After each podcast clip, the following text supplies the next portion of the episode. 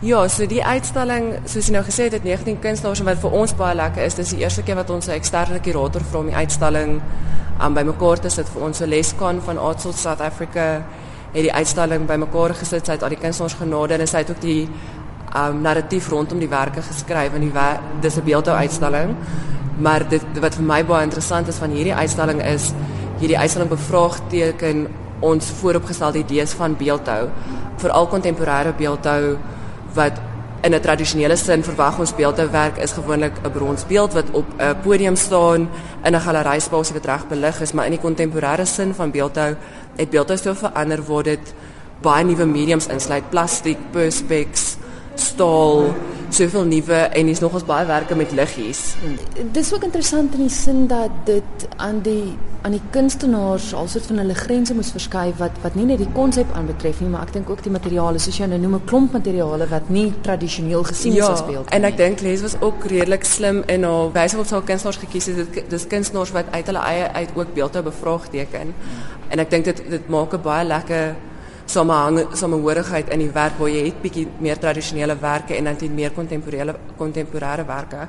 Ek wil ook net graag noem sy het of haar idee begin kry lees nou die kurator rondom Christine Frankenstein 'n uh, 'n uh, quote van haar uit Studying Contemporary Culture wat Christine sê art is a reflection of the times in which which in which it is created. Mm. Wat vir my nog was interessant is want lees het ook self um met die opening het sy verwys na Michelangelo se beelde wat ons vandag as tradisionele beelde kan sien. Maar die tyd wanneer hy dit gemaak het, was dit nog steeds kontroversieel. Dit was iets wat mense nie gewoond is nie. Dis dieselfde met hierdie beeldhouwerke. Dit is nie vir die tyd waarin dit gemaak is, maar dit reflekteer op op ons tyd. As jy na die mediums kyk, dis kontemporêre mediums, plastiek is deel van ons alledaagse lewe, alledaagse lewe. Een van die kunstenaars gebruik gebrande tyres, die Rudolf van om te teken. So dis baie interessant hoe die mediums met mekaar kommunikeer. Daar's twee baie interessante uitstallings wat wat buite in in die in die binnehof is. En die een is baie interaktief. Uh, jy kan eintlik die kunswerk laat lyk like soos jy hom wil laat lyk. Like. Ja, dis 'n werk by deur Sarel Petrus en dit dis 'n Zen garden. Die idee wat ons van 'n Zen garden het wat jy gewoonlik in jou kantoor sal sit soos 'n groot sandboks. Um en hy het sy eie hark waarmee jy dan in die sand kan hark. En dan het hy omtrent, ek dink dit is omtrent 7 of 8 mm. brons beeldhouwerke van hulle lyk like soos klipper, ons een wat soos 'n skilpad se dop lyk, ons een wat soos 'n meermin lyk. En die idee is dat jy dan die beeldhou beeldhouwerke is langs die sandpad uitgestal, maar jy kan die beelde in die sandpad plaas soos wat jy wil, patrone in die sandpad maak, soos 'n baie interaktiewe werk. En wat Sarel ook vra vir aanskouers is om dan foto's te te neem van die werk en dit op Facebook te plaas oor hoe hulle die werk dan op die ouene geaktiveer het. So 'n baie interaktiewe proses en dit vat die idee van beeldhou na want beeldhou word gewoonlik gesien as 'n statiese beeld waar rondom jou beweeg en is iets wat in jou pad is en jy kan nie deur dit beweeg nie waar hy vra vir jou om saam met die beeldhou te werk, saam met dit mee te leef as ek dit so kan stel. Dan is daar nog werk buite wat uh, eintlik net hoe noem julle dit die pedestals of die die plinths. Ja, die die, die kunswerke self is nie eintlik daar nie. Ja, dis 'n werk deur Guided Toy wat ek moet sê toe ek die werk die eerste keer gesien het, het ek by myself gedink, is hier iets nou wat ek mis?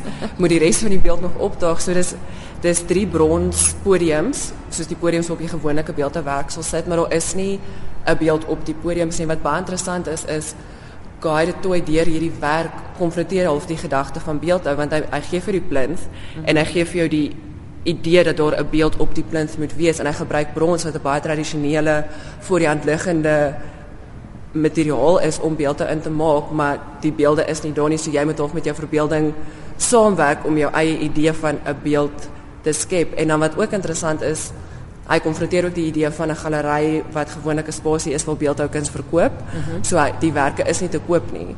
Dit is daai idee van beeldhou is nie noodwendig net 'n kommoditeit nie, dit is baie keer net iets wat 'n spasie vul en hoe jy met daai spasie meeleef en saamleef. Jan van der Merwe is een van ons landse kunstenaars wat nog as baie opspraak verwek het ook met die medium waaraan hy werk. Dis mos geroeste blik wat hy wat ja, hy gewoonlik gebruik. En hy ook materiaal wat hy opdaag wat interessant is van hierdie werk van ja net om vir die luisteraars te verduidelik dit is 'n stoel met 'n rooi um kussentjie op en 'n remote afstandbeheer en dan 'n televisie voor dit wat altyd geroeste metaal gemaak ja, is. Ja, daar's ook 'n baadjie wat oor die stoel hang. Ja, en daar's 'n baadjie wat oor die stoel hang, maar die rooi kussentjie wat op dit is is uit 'n ou olieblik gemaak. Ah. En dan die res is geroeste metaal en eers wat ek verskriklik mal is oor Jan se werk is hy werk met so grouwe media, maar jy kry die fyn detail so hy die stukwerk op die baadjie as jy binne in die baadjie kyk het hy die labeltjie asof die baadjie gekoop is. En die idee van die werk is die stoel is baie laer as die TV en dit gaan oor hoe ons binne ons ons huidige samelewing TV so ritueel geword het. Kom in die aand by die huis en maak kos en jy sit en kyk TV en dit word al 'n spirituele ding.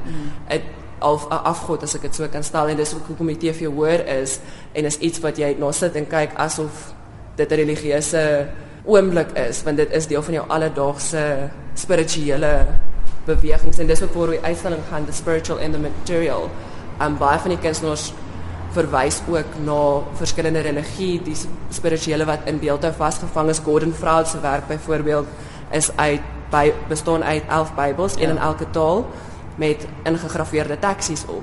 En omdat ons in so 'n besige samelewing leef, word baie mense gedwing eh, om as hulle op 'n taxi klim, gewoonlik jy spandeer 'n uur of twee op die pad en dis wanneer hulle hulle godsdiens doen. So dit dis ook nog 'n interessante aspek van die uitstalling is hoe kunstenaars na die spirituele realm, as ek dit so kan stel, verwys. George Holloway ook sy werk gaan oor verganklikheid, oor iemand wat oorlede is en ons drie beelde rondom dit wat oor die drie enige praat en dit is daai oomblik wat vasgevang is tussen die lewe en die dood. So daar is nogals dieper betekenis in meeste van die werke. Definitief. Hier is hier is drie wat ook uit hout soos dis jacaranda. Jacaranda hout wat ook eintlik 'n baie tradisionele ja medium um, is vir beeldhou. Dis Affie se volse werk en die werk se titel is um the old new and the unknown. En wat vir my verskriklik interessant van hierdie werk is hy gebruik spesifiek jacaranda hout wat nie 'n inheemse hout in sit en dis nie 'n inheemse boom in Suid-Afrika nie, maar ek meen as ons na Johannesburg en Pretoria kyk, dis volop oral, so dis al 'n indringende plant.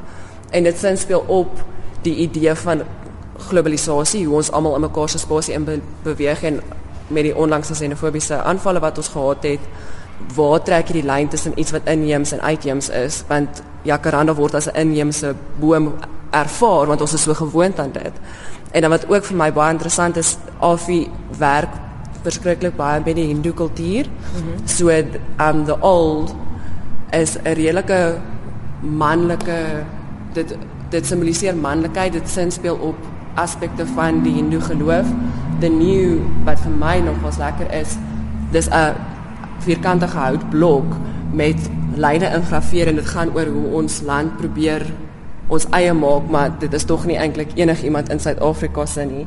En dan um wat is die laaste enetjie se naam, the unknown, is 'n baie meer organiese beeld wat gaan oor waar ons op pad. Ja. Hoe gaan ons nou verder vorentoe gaan? in hierdie patriargale samelewing waar ons ons eie waar ons goederes probeer besit wat nie eintlik aan ons behoort nie. So die laaste beeld is baie meer eksperimenteel, maar saamwerk die drie nog steeds as 'n een eenheid. Kyk, mens kan regtig vir ure gesels oor alsa. Ja, dit is verskriklik baie lekker werk om oor te gesels. Is tog werk wat my oog opgeval het wat bietjie kitsch is. Dit is kitsch. Dis Anne Marie Talley se werk. Dis 'n hele klein versamelingkie wat sy het um net om te verduidelik hoe dit lyk. Dit speel op um antropomorfologie, daar's die woord.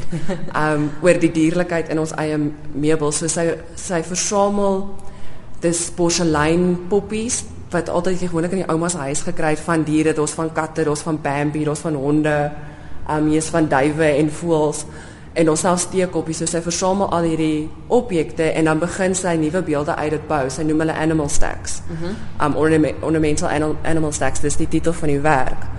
Um so dis 'n hele reeks baie kitsch, maar ek is absoluut gek daaroor en dan kies sy ook om dit op bal en kloupoot ja. meubels uit te stam en sy sê daar is 'n redelike dierlikheid in die in die meubel self.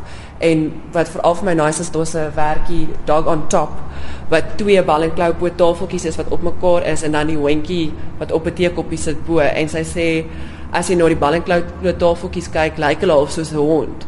So dit pas by die idee van die werk. So dit gaan oor die dierlikheid wat ons in ons eie meubels veral in die um Victoriaanse tyd wat ons in ons eie meubels begin inwerk het. Sy verwys ook na 'n teks deur John Burger. Ja. Wat hy spesifiek praat oor hoe daar dierlikheid in ons eie meubels, hoe ons dierlik diere jy weet mak maak en ons eie maak en weer eens besit en hoe dit dan uitkom en hoe ons ons eie meubels maak funksioneer binne ons huis. Ek is seker luisteraars sal 'n hele paar van hierdie beeldes herken hoor. ek seker my ouma het so 'n hond gehad. Almal se ek een van daai duifies het my oupa gehad, die teekoppies weet ek 'n vriendin van my het wat van haar ouma afkom. Die uitstalling is uit die aard van die saak vir die hele Junie maand te sien. Ja. Goed. So die uitstalling is dit gister geopen die 4de Junie en hy is aan tot die 27ste Junie.